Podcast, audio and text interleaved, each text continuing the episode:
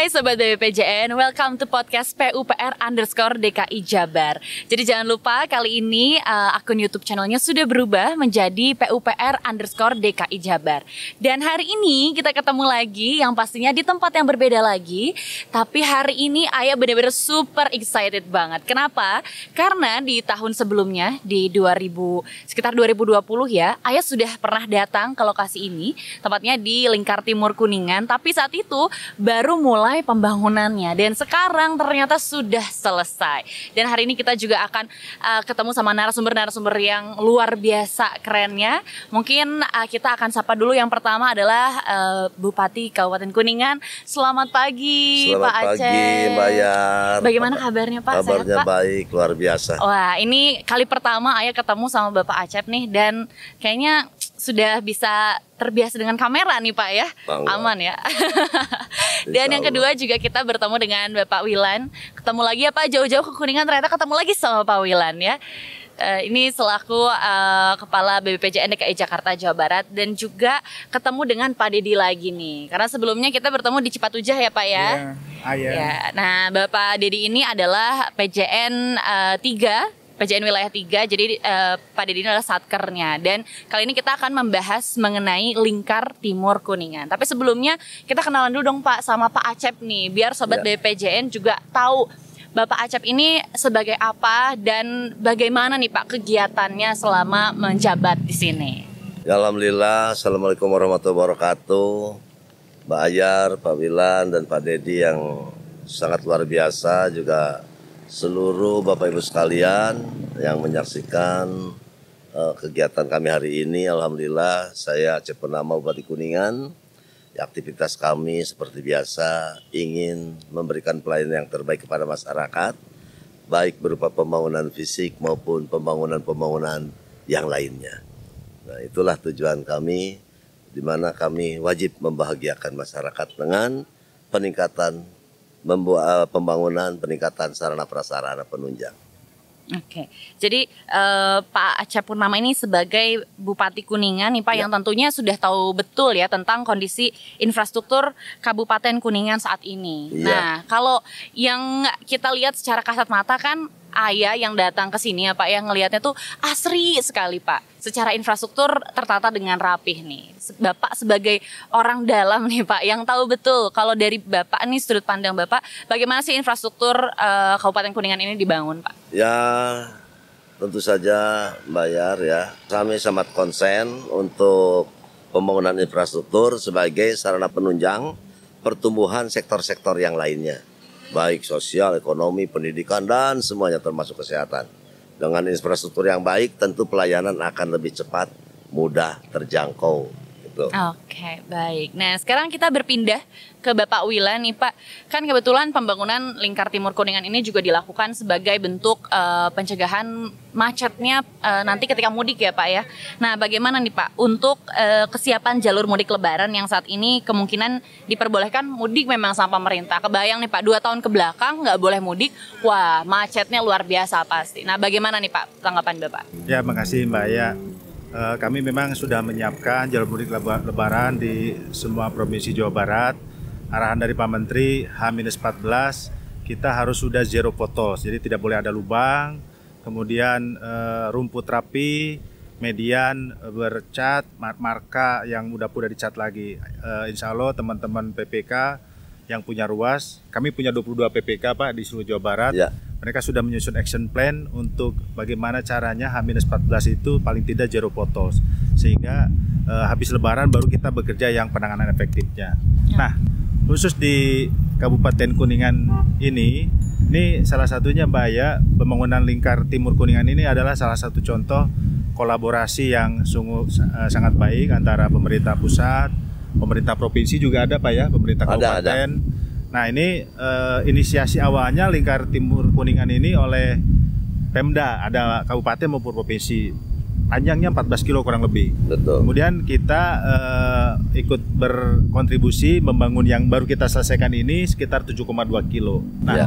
hanya saja kalau kita bicara lingkar, ini lingkar ini belum sempurna karena kalau kita di jalan nasional kita buat lingkar itu lingkar itu masuk keluarnya di jalan nasional lagi. Nah ini kita keluar belum di jalan nasional. Nah, ini memang perlu ada lanjutannya. Alhamdulillah secara program eh, sudah ada bangunan programnya, Pak. Sudah, sudah. Sudah Bapak. ada di Perpres 87, sudah masuk di rencana umum jaringan jalan Bina Marga juga. Nah, ini Ya. tinggal eh, kolaborasi lanjutannya nih. Readiness-nya dari Pak Bupati, lahan, desain dan sebagainya disiapkan insya Allah nanti instruksinya dilanjutkan oleh Kementerian PUPR. Dengan Pak. senang hati, Pak. Nah, khusus untuk jalan mudik lebaran tahun ini, insya Allah ini walaupun eh, 14 tambah 7 kurang lebih 21 kilo Mbak ya ya. 21 kilo lawan jalan nasional yang lama mungkin lebih pendek 13 kilo tapi waktu tempuhnya kami yakin jauh lebih singkat ke sini. Iya. Karena di sana itu melewati tiga pasar kalau nggak salah Pak ya. Betul. Oh. betul, Jadi eh, weekend biasa aja sudah macet, apalagi Ya. nanti pas Lebaran. Jadi insya Allah jalan yang sudah jadi ini, baik itu yang dibangun oleh eh, pemerintah daerah, provinsi dan kabupaten Kuningan maupun oleh kita yang terakhir ini 7,2 itu akan juga membantu nih jalur mudik Lebaran di mana kita sudah dua tahun tidak mudik masyarakat eh, kita tidak mudik dua tahun sehingga di Kabupaten Kuningan ini insya Allah eh, cukup membantu ya Pak ya mengurai Ya. kemacetan yang ada di dalam kota. Mungkin Oke. itu Mbak ya. Berarti sudah siap ya Pak ya untuk Siap. mudik tahun 2022 ini. Nah, kali ini kita bergeser ke Pak Dedi nih Pak. Ak- eh, Ayah dan juga Sobat BPJN pengen tahu kalau yang sudah dilakukan selama dua, eh, 2022 ini kinerjanya apa aja sih Pak yang sudah selesai ataupun yang sedang berjalan? Kita dari PJN 3 eh, Jawa Barat itu udah melaksanakan sa- hingga sekarang 2022 ini programnya konservasi jalan di seluruh ruas eh, di PJN 3 yang meliputi dari sebagian Pansela, ruas jalan Pansela di Cidaun, Pamengpo, Cipatujah hingga Pangandaran dan sebagian penghubung antara dari Cirebon, eh, Ciamis, Banjar hingga Pangandaran. Jadi masih kita proses eh, untuk pelaksanaan preservasi jalannya. Di mana ya, untuk lingkar timur Kuningan ini sendiri itu udah selesai ya kita laksanakan seperti yang dikatakan tadi itu ya, pertanggal 31 Desember kemarin. Oke. Jadi ini salah satu yang sudah rampung ya Pak ya. Nah, tapi kalau misalnya tadi Pak Dedi bahas nih tentang lingkar timur kuningan, kita boleh tanya lagi sama eh, Pak Wilan nih mengenai lingkar timur kuningan secara eh, singkat lah Pak. Penjelasan pembangunan secara singkatnya nih Pak. Bagaimana dari awal sampai akhirnya gitu ya. Sekarang sudah selesai. Ayah yang ngalamin banget dari awal pembangunannya seneng banget Pak ngelihat sekarang wah sudah selesai nih. Gimana Pak penjelasan pembangunannya? Ya, ini Mbak ya pembangunannya kalau kita lihat ini lokasi jalan ini di ada bukit, ada lembah. Jadi memang tantangan utamanya selain tadi lahannya disiapkan oleh Pemda, ada tantangan teknisnya sendiri karena pekerjaan galian timbunan itu pekerjaan tanah. Musuhnya itu hujan salah satunya. Nah, di Kuningan ini curah hujannya cukup, Cukup tinggi. tinggi. Sehingga eh, beberapa teknologi kita terapkan di sini untuk yang timbunan kita pakai sebagian ada yang pakai curucuk, kemudian eh, apa me- menimbunnya itu layer by layer ada pakai geotextile. Kemudian di bagian galian nanti mungkin tadi lihat di segmen satu ada bukit yang kita potong ya.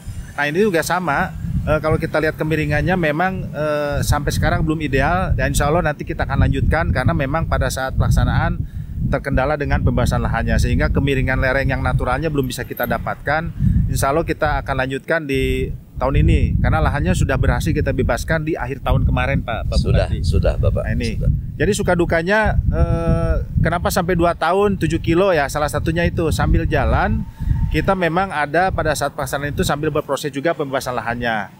Kemudian Cuaca, dari sisi teknis kita juga setiap setiap tahun menge- me- apa, me- bertemu dengan musim hujan yang cukup panjang. Ya. Nah, jadi pekerjaan tanah itu salah satu musuhnya itu hujan. Jadi memperlambat prosesnya. Oke. Begitu selesai pengerjaan tanahnya buktinya bisa cepat ini. Kalau aspal itu cepat. Oh begitu ya. Mungkin bisa dijelaskan lebih eh, lengkapnya lagi oleh Pak Dedi nih Pak. Secara teknisnya eh, baik itu kesulitan ataupun kemudahan atau bahkan secara eh, teknologinya mungkin yang berbeda yang digunakan boleh dijelaskan Pak. Ya. Makasih Mbak ya tadi udah disampaikan dengan Pak Wilan Kepala Balai bahwa uh, untuk ruas ini sepanjang 7,2 kilo itu terdiri dari tiga segmen Mbak ya. Segmen satu itu uh, 2,9 kilo, segmen 2 itu 2,78 kilo dan segmen 3 itu 1,6 kilo. Jadi di sini uh, di sini juga terdapat satu jembatan Cilaja yang uh, bentangnya 50 meter uh, dari STA 5 plus 3, uh, 760 hingga 5 plus uh, 730. Jadi di sini juga uh, kendala yang disampaikan tadi seperti bahwa Kuningan ini merupakan daerah uh, hujan ya, yang mana pada bulan Oktober uh, dari Juni hingga September itu 2020 itu uh, adanya fenomena lanina mm. yang mana kuningan uh, mengalaminya sehingga oh. hujan yang terus menerus di bulan itu yang menyebabkan pekerjaan galian dan pekerjaan timbunan tanah seperti yang dikatakan Pak Kabay tadi itu sangat susah dan uh, di sini juga uh, teknologi yang digunakan itu kita menggunakan geotekstil seperti dikatakan Pak Kabalai dan pelaksanaan layer by layer dan juga ada beberapa spot-spot itu yang kita menggunakan uh, cerucuk untuk uh, mengurangi settlement atau penurunan. Dikarenakan CBR-nya itu sangat rendah. Hmm. sehingga uh, hal ini kita lakukan uh, dengan uh, metode ini. Jadi uh, untuk uh, teknologinya sendiri itu dan kemudian uh, hambatan juga di sini kemarin ada mengenai pembebasan lahan yang sampaikan tadi Pak Kabala yang itu kita diselesaikan itu di Juni ya Juni 2021. Hmm yang baru selesai. Okay. Ada satu bidang, uh, dua bidang tanah itu.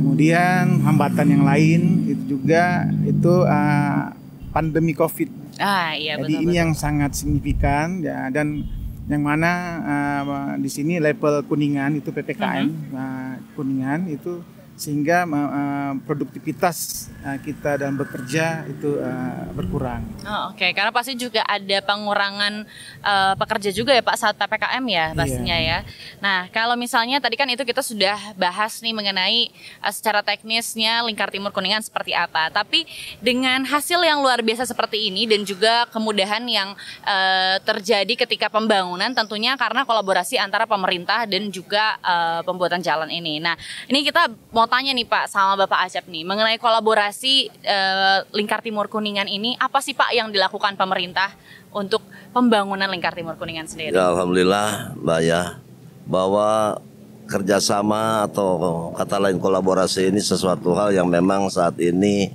wajib kita laksanakan untuk kelancaran-kelancaran. Ya, pertama mungkin karena kami menyadari bahwa keterbatasan-keterbatasan kemampuan otomatis lah. Kami berharap sekali uluran tangan dari pemerintah provinsi dan juga eh, pemerintah pusat terutama ya dan juga ini diawali dulu dengan pemerintah provinsi Pak.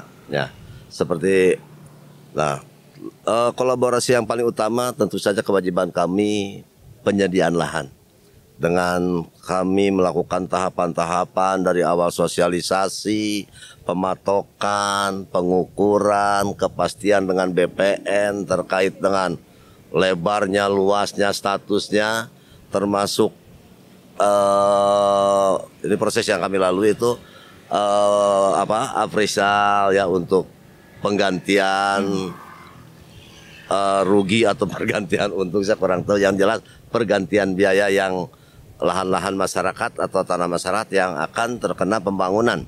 Termasuk setelah itu kita bayar, nah baru baru kami awali dengan membuka membuka badan jalan. Nah ini, yang ini dan itu berlang cukup lama Mbak. Sebetulnya proses jalan ini sudah berjalan hampir 8 tahun yang lalu dari awalnya. Hmm. Dan pernah juga terbengkalai, pernah juga uh, hampir tiga tahun tidak tergarap dan alhamdulillah empat tahun ke sini seperti ini luar biasa. Jadi saya berterima kasih. Insya Allah kolaborasi kami skema pengadaan tanah, la, uh, pembebasan lahan itu menjadi kewajiban kami pemerintah daerah. Lalu untuk pembangunan pembangunan pembangunan saya berharap sekali ya dan terima kasih kepada Pak Menteri, Pak Gubernur juga ada, dan juga kepada bapak-bapak semua sehingga jalan lingkar timur kuningan ini selesai dan terima kasih atas kolaborasi yang ada. Selanjutnya kami juga berharap bolehkan saya sampaikan di sini bahwa kalau yang tadi Pak Wilan sampaikan yang namanya jalan lingkar itu kan kalau ini baru seperempat lingkar, belum setengah lingkar Pak, belum menjadi ring road gitu ya kalau istilah itu. Insya Allah kami akan melanjutkan ke lingkar timur selatan Pak.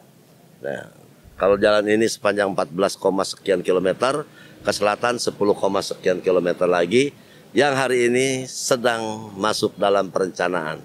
Bukan bahkan bukan saja perencanaan, pematokan sudah, pendataan sudah, antusias masyarakat semuanya oke dan setuju merelakan tanahnya silakan pakai untuk jalan. Nanti kita akan atur skema pembayar apa penetapan pematokan dan pembayarannya. Baik. Nah, itu dia berarti uh, menjadi dukungan secara teknis maupun non teknis ya Pak ya Baik. dari pemerintah Kabupaten Kuningan untuk pembangunan Lingkar Timur Kuningan ini. Dan ini masih uh, di, boleh dijawab sama Bapak nih kalau misalnya Lingkar Timur Kuningan ini Pak, harapannya dari Bapak nih ya untuk uh, digunakan oleh masyarakat, harapannya seperti apa sih Pak? Dan tentunya apakah ini sejalan dengan visi Kabupaten Kuningan yaitu uh, Kuningan maju ya Pak ya. ya? Betul. Nah, bagaimana Pak? Ya, alhamdulillah visi Kuningan kan jelas maju, makmur, agamis, pinunjul, berbasis desa atau di desa-desa. Dan tentu saja kami sangat hormat, sangat mendukung dan akan selalu siap mensukseskan. Pertama, kami harus mengait atau terkait dengan program strategis nasional. Hmm. Di mana kami harus menyadari secara geografis Kuningan berada di ujung timur Jawa Barat, berbatasan langsung dengan ujung baratnya Jawa Tengah, termasuk Kuningan salah satu kabupaten yang pertama tidak ada jalur transportasi kereta api, Pak. Oh. ya. Terus secara geografis daerahnya berbukit-bukit. Namun Kuningan memiliki posisi strategis sebagai tadi ujung timurnya Jawa Barat yang langsung akses dengan Jawa Tengah dan bisa menjadi akses yang menghubungkan jalur utara dan selatan Jawa Barat. Nah, utaranya Cirebon terus sampai Indramayu sampai Kerawang, selatannya Ciamis Tasik sampai Bandung sampai Cilacap. Nah, di sini kemudian ada di tengah-tengah. Sehingga jalan ini merupakan jalan yang cukup strategis guna mendukung program strategis nasional. Nah, untuk daerah kami tentu sangat beruntung sekali di mana ini menjadi sesuatu kebanggaan kami semua ya. Bisa mendukung menunjang pertumbuhan sektor-sektor ekonomi, mempercepat akses ya. Masyarakat kami khususnya mau ke Cirebon apalagi sekarang mau keluar kota yang lainnya karena di sana sudah melintang jalan tol ya Pak ya. Di mana akses terdekat ini uh, exitnya atau ya exitnya exit di tol Ciperna. Nah ini dengan jalan ini misalnya masyarakat kami dari Kuningan Timur sebut saja Ciawi atau Luragung yang biasanya menempuh sampai masuk pintu tol Ciperna harus satu jam setengah sekarang bisa selesai dengan 45 menit atau maksimal satu jam berarti kita bisa mengefisienkan waktu termasuk efisiensi semuanya uh, BBM dan lain sebagainya itu sangat luar biasa. Terima kasih juga tadi Pak Wilan ya dan dengan uh, jalan lingkar ini paling tidak tiga dua pasar ya uh, pasar Cilimus yang biasa dilalui oleh di Jalan Nasional, pasar Kurucuk dan di kotanya pasar Kuningan. Apalagi kalau nanti sampai ke selatan ada pasar Kanu Gede, ada pasar Dharma, lima pasar Pak yang bisa dilalui. Yang mana di daerah-daerah pasar itu kan sering terjadi kekeroditan apalagi di hari-hari pasar. Nah itu jadi di samping kita siap menunjang program strategis nasional untuk untuk mempersiapkan akses uh, menghubungkan jalur selatan utara atau utara selatan dan juga Kuningan ada di tengah-tengah juga untuk masyarakat kami alhamdulillah di samping jadi ikon Kabupaten Kuningan Jalan Lingkar ini juga mempercepat perlaju pertumbuhan ekonomi, sosial dan lain sebagainya. Baik. Nah, ini berarti sesuai ya Pak ya dengan visi Kabupaten Kuningan yaitu uh, Kuningan Maju yang mungkin juga ini info untuk Pak Wilan dan Pak Dedi nih kalau di YouTube itu ada uh, Pak Acep ini menyanyikan lagu Kuningan Maju ya Pak ya. Kuningan Maju. itu bagus sekali. Jadi kalau mungkin Pak Wilan hobinya bersepeda nih ya Pak nanti bisa dicoba ya Pak bersepeda wow. di sini ya. Ditunggu iya. Pak Wilan. Lihat nah. jalan itu jadi pengen gue ya Pak. Bahkan Luar biasa. Bayar ya Mbak bahwa Kuningan punya agenda kalender of event ya mm. uh, balap sepeda Pak namanya Tour de Linggar Jati oh. ada tiga kelas yang kita lombakan di antara salah satunya road race Nah kalau road race ini mungkin salah satunya jalan ini akan kami pakai Pak. Oh. Mohon izin tapi itu biasanya kami laksanakan uh, bertepatan dengan peringatan HUT kemerdekaan Republik Indonesia dan hari jadi Kuningan 1 September. Oh, nah, namun udah dua tahun karena pandemi kita pending. Oh, Sama jalan ini juga dibangun. Terima kasih Pak Wilan, Pak Dedi, Pak Menteri ya. Dengan jalan ini paling tidak selesailah sudah terjadinya kekroditan kemacetan menjelang hari raya Idul Fitri Pak di mana Kuningan Cirebon itu ditempuh bisa 6 jam dengan jalan ini yang juga bis dan teraksesnya jalan ke desa-desa yang lainnya jalan-jalan ultra arteri lainnya Insya Allah ini akan mengurai. Paling tidak untuk di wilayah kami di Kabupaten Kuningan. Namun izin saya ingin menyampaikan Walaupun ini juga insya Allah sudah menjadi bagian daripada perencanaan baik provinsi maupun nasional, barangkali berkenan secepatnya kita bangun jalan lingkar dari ujung lingkar Kuningan Utara di ke wilayah Cirebonnya Pak. Karena kalau dari sininya bagus, ke sananya bottleneck ya Pak ya, sampai ke pintu tol. Kalau di sananya ada, insya Allah tidak usah pakai jalan tol Pak di Kuningan Pak. Cukup dengan jalan lingkar ini yang akan bisa mengakses Kuningan Cirebon dalam waktu tempuh hanya 20 menit. Hanya kalau sekarang bisa lebih Mbak karena ujung jalan lingkar ini tepatnya di Desa Sampora ke Cirebonnya masih akses jalan nasional yang padat merayap. Jadi ini pas ya Pak ya pembangunannya. Mungkin nanti kalau dua tahun ke belakang eh, acara-acara besar di sini sedang tidak dilaksanakan, mungkin tahun ini bisa dilaksanakan ya. Salah satunya mungkin acara goes itu nanti Pak Dedi dan Pak Wilan juga bersepeda di sini seru banget loh, cocok Iya. jalannya. Nanti di akhir jalur sepeda nanti Pak Acep nyanyi ya Pak ya. nyanyi kuningan maju. Nah tadi kalau misalnya kita ngomongin seputar jalannya nih, secara visual memang luar biasa indahnya dari awal sampai di sini bahkan eh, kita disuguhkan dengan eh, warna hijau di kanan kiri jalan nih. Kalau misalnya secara pembangunan jalanan eh, itu jelas ada kesulitan yang tadi sudah disebutkan. Tapi kalau secara kesulitan yang ada di kiri kanan jalan nih, di kiri kanan badan jalan, apakah juga ada kesulitan eh, seperti masih ada warga yang ingin eh, membangun eh, bangunan di sini atau mungkin juga ada bagian-bagian tanah eh, samping kanan kiri eh, badan jalan yang memang ternyata juga cukup eh, mengganggu pembangunan lingkar timur kuningan atau bagaimana? Mungkin boleh dijawab oleh Pak Wilan dan juga Pak Dedi. Ya, tadi eh, nyambung yang dikatakan Pak Bupati, jalan baru ini tadi eh, walaupun lebih jauh, waktu tempuhnya lebih pendek, artinya kecepatannya lebih tinggi. Kenapa? Karena memang kiri kanannya belum ada hambatan samping. Di jalan nasional yang lama itu tadi ada hambatan samping banyak, ada pasar, ada apa. Iya. Nah ini yang kami titipkan salah satunya ke Pak. Bupati nih. Jadi kalau ada jalan baru itu kecenderungannya land use panjang jalan itu berubah. Nah, land use-nya itu nanti yang harus ditata oleh Pak Bupati. Paling tidak akses ke jalan eh, yang baru ini dibatasi. Jadi tidak semua properti itu langsung akses. Ya. Kalau begitu nanti nasibnya sama dengan jalan nasional yang lama. Jadi memang ke depan nih PR-nya Pak Bupati mengamankan supaya jalan ini tetap lancar sampai eh, lama gitu. Ya. Itu mungkin Pak Bupati ya. Ya, sepakat Baik. eh, Pak Bilan. Bahkan kami sekarang sudah mulai menata kembali terkait lahan-lahan yang sudah masuk pembebasan dan insya Allah itu sedang dalam proses nanti selanjutnya akan proses pensertifikatan Pak. Ya. Selanjutnya dari tadi yang disampaikan bahwa jalan ini ingin tetap lestari, lalu fungsinya juga tetap sebagai pelan- memperlancar arus transportasi. Ya kita pertama saya sudah menetapkan sepadan jalan Pak.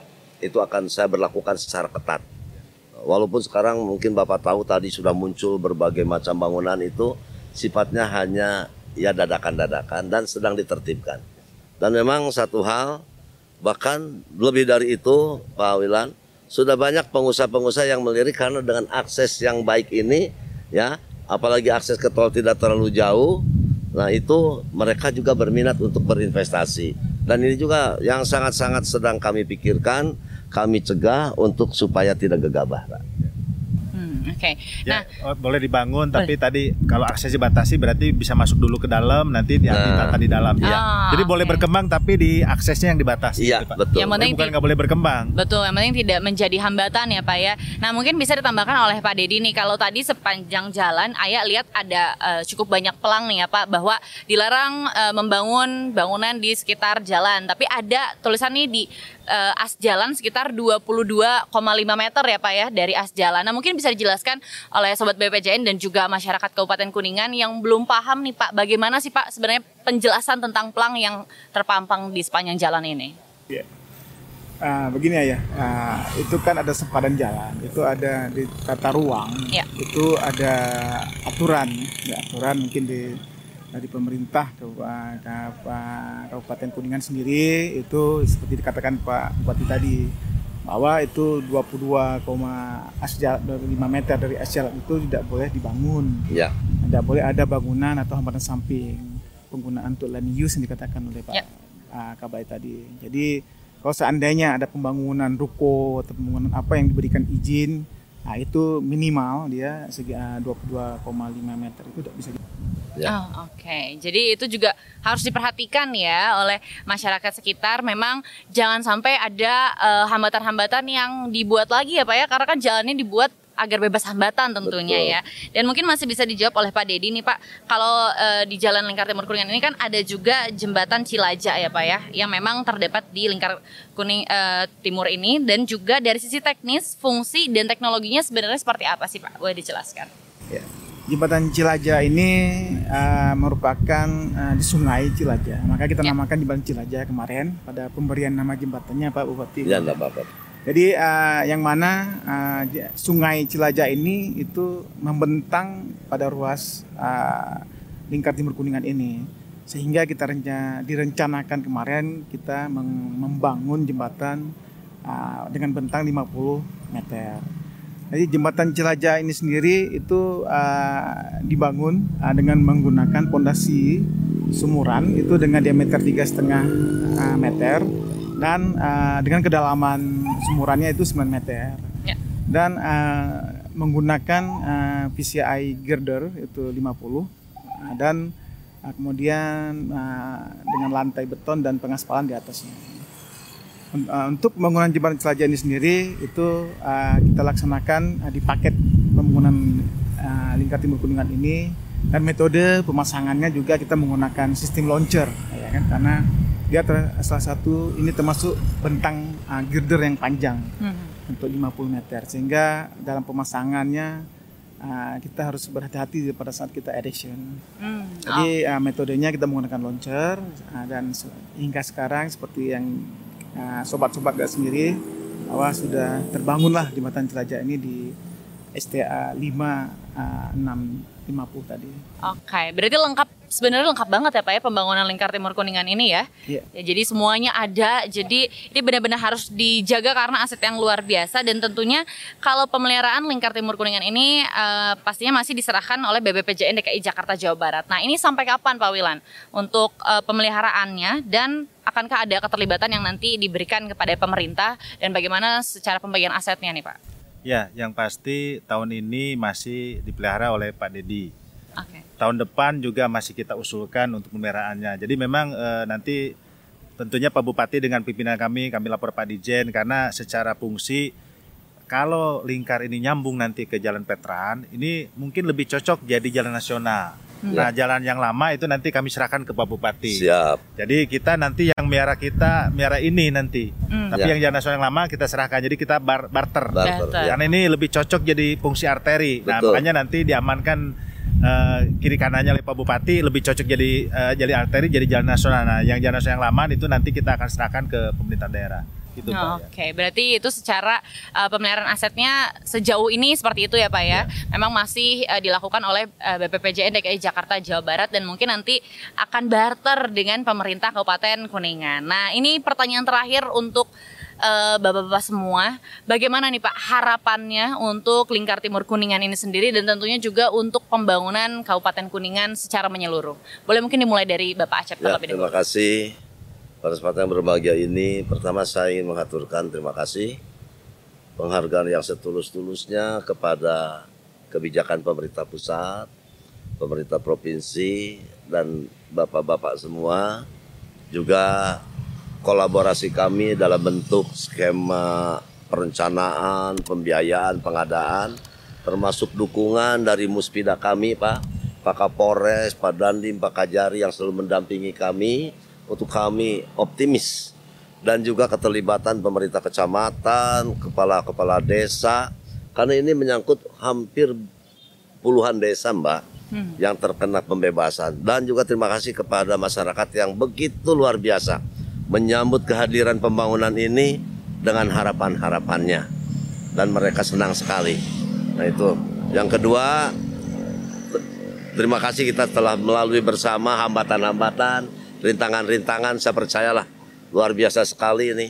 Bapak-bapak yang punya keahlian, punya kemampuan dari sisi teknik pengelolaan.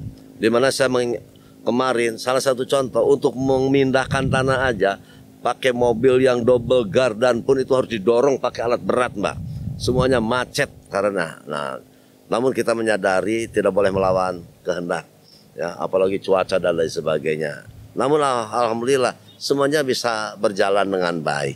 Semuanya sudah bisa berjalan dengan baik. Jadi harapan saya insya Allah Bapak mangga lah ayo kita bersama-sama untuk pemeliharaan jalan ini agar fungsinya, kegunaannya, pelestariannya itu kita lakukan bersama-sama. Nah, selanjutnya saya berharap, mohon sekali lagi, jalan ini akan jauh lebih fungsional apabila dilanjutkan untuk yang akan mengakses dari tempat ini ke wilayah Kuningan bagian selatan. Ya. Sehingga saya, saya sering menyebutnya jalan ini adalah jalan lingkar timur utara dan kita lanjutkan timur selatan sehingga akan membelah, uh, membelah kota Kuningan berupa setengah lingkaran kota Kuningan akan terakses.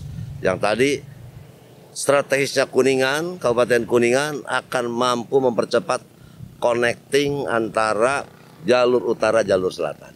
Okay. Terima kasih. Seperti itu berarti ya kalau harapan dari pemerintah Kabupaten Kuningan. Nah kalau sekarang dari Bapak Wilan sendiri nih Pak harapannya untuk lingkar timur Kuningan seperti apa Pak? Ya harapannya tadi sudah disampaikan bahwa ini akan memperlancar lalu lintas dari sisi kepentingan nasional maupun regional termasuk juga kepentingan lokal Kabupaten Kuningan ini akan memperlancar uh, arus uh, lalu lintas yang menerus yang dari Cirebon mau ke Ciamis ya. mau ke Tasik ini akan diperlancar otomatis ini salah satu jalan ekonomi yang bisa menumbuhkan ekonomi secara regional maupun secara nasional. Harapannya eh, sama dengan Pak Bupati, mudah-mudahan ini eh, program yang sudah dicanangkan eh, di Perpres 87 maupun sudah ada di rencana umum jaringan jalan nasional Dijen Bina Marga ini bisa kita realisasikan. Dan kami juga bersyukur ini uh, bisa menyelesaikan penugasan dari Pak Menteri Pak. Ini kami bekerja menjalankan ini penugasan dari Pak Menteri. Luar jadi kami biasa. bersyukur bisa menyelesaikan dibantu oleh Pak Karedi sebagai Kasatker yang melaksanakan di lapangan dan memang dukungan dari Pak Bupati dan seluruh jajarannya juga luar biasa. Kami sama sekali tidak mendengar keluhan dari Pak Dedi selama melaksanakan itu ada gangguan dari masyarakat kan. Ya, Jadi secara sosial ini aman, lancar, kira-kira gitu Pak ya. Jadi kami sama juga Pak mengucapkan banyak terima kasih atas ya. dukungannya sehingga kita bisa menyelesaikan sama-sama uh, proyek ini uh, di tahun akhir tahun kemarin. Oke, berarti ini dan, jadi salah satu kolaborasi yang berhasil ya. ya? berarti jadi salah satu kolaborasi yang berhasil tentunya. Dan mungkin boleh ditambahkan oleh Pak Dedi nih Pak, bagaimana uh, harapan Bapak selaku Satker uh, Lingkar Timur Kuningan ini atas pembangunannya dan tentunya juga mungkin untuk program-program uh, uh, kerja yang lainnya Pak di tahun 2022. Iya. Makasih ya, mungkin tadi sebagian besar sudah disampaikan oleh Pak Kapalai dan Pak Cep. Mungkin saya sebagai pelaksana di sini mengharapkan apa yang sudah kita laksanakan ini uh, lingkar timur kuningan yang biasa kita singkat dengan LTK ya. LTK jadi uh, ini uh, mempunyai uh, kegunaan yang sangat baik dalam pengembangan wilayah terutama di Kabupaten Kuningan ini sendiri. Dan juga uh, untuk uh, meningkatkan perekonomian ya dan kemudian dari masyarakat di Kuningan. Dan juga uh, bisa uh, meringankan uh, biaya operasional kendaraan diakibatkan uh, menghindari macet dan waktu tempuh yang lebih cepat tadi. Dan mungkin secara umum bisa saya sampaikan bahwa harapannya itu dengan uh, telah selesainya kita laksanakan pembangunan lingkar timur kuningan ini mempunyai kebaikan, kebaikan dan ke kemakmuran dan dari masyarakat pengguna terutama uh, terutama masyarakat dari uh, Kuningan ini sendiri dengan adanya pembangunan ini bisa lebih uh, memotivasi mereka uh-huh. dalam meningkatkan perekonomian mereka sendiri dengan mungkin bantuan pemerintah daerah dan um, kalau ditugaskan lagi ini Pak Bupati kami dari BPJN Pak Wilan dan saya siap di dari Pak Menteri untuk melanjutkan program yang uh, untuk pembangunan lingkar timur selatannya. Alhamdulillah. Nanti kesiapan dari Pak Bupati segera kami laporkan juga ke Pak Dirjen Pak karena Ya, Pak Dirjen ini kalau di kami penanggung jawab program Pak. betul. Penanggung jawab program jadi penugasannya dari Pak Menteri ke Pak Dirjen Bina Marga beliau sudah men-setup programnya itu baru beliau menugaskan ke kami-kami ini. Jadi Ya. dalam penanggung jawab program di Kementerian PUPR khusus jalan jembatan itu Pak Dirjen Bina Marga Pak. Insya Allah Pak Wildan, Pak Dedi sampaikan salam salam, salam kami semua untuk Pak Dirjen, Pak Menteri bahwa saya nyatakan untuk kelanjutan pembangunan jalan lingkar eh, Timur Selatan saya pastikan bulan Juni lahan sudah clear and clearance lahannya. Panjangnya sudah jelas 10,4 km. Ya, tinggal mangga saya serahkan sepenuhnya. Tantangan di sana pasti akan ada dua jembatan yang lebih panjang, Pak. Kalau di sini 50 meter, di sana ada yang 110 meter. Tapi itu pun, wah, bisa mengangkat atau membuka akses kalau Kuningan Selatan ini seolah-olah daerah yang kurang terperhatikan. Kalau itu terbangun, insya Allah daerah itu akan bertumbuh kembang dengan cepat. Sekaligus saya mohon doa restu kepada seluruh masyarakat atas rencana kami semua. Terima kasih juga masyarakat kemarin hampir 500 ruas, 562 ruas yang saya sudah bertemu dengan pemilik-pemiliknya semuanya udah oke Pak. Merelakan, menyerahkan dengan sepenuh-penuhnya atas rencana pembangunan jalan Lingkar Timur Selatan. Oke, nah itu dia seluruh harapan dari eh, Pak Acep, Pak Wilan dan juga Pak Dedi untuk Lingkar Timur Kuningan dan tentunya juga untuk pembangunan eh, Kuningan di tahun 2022 ini. Dan semoga masih lebih banyak lagi kolaborasi yang luar biasa lainnya Amin. ya. Berarti mungkin eh, Lingkar Timur Kuningan ini yang disebut worth to wait nih. Jadi walaupun kemarin ada keterlambatan sampai harus menunggu, tapi hasilnya luar biasa ya Pak. ya. Terima kasih banyak bapak-bapak semua Terima kasih, sudah Ayah. ngobrol seru Iya. bareng sama Ayah dan juga sobat BPJN dan tentunya kita masih akan banyak membahas lagi mengenai berbagai program uh, kerja yang dilakukan oleh BPPJN DKI Jakarta Jawa Barat dan yang pastinya akan selalu ada di YouTube channelnya PUPR underscore DKI Jabar. Jadi jangan lupa untuk selalu like video-videonya, share juga untuk kasih tahu sobat BPJN yang lain dan yang pastinya uh, loncengnya juga boleh dinyalain ya biar kamu selalu tahu ada episode terbaru apa lagi. Dan sampai jumpa di episode yang lebih seru lainnya pastinya. Ayahnya pamit. Bye bye.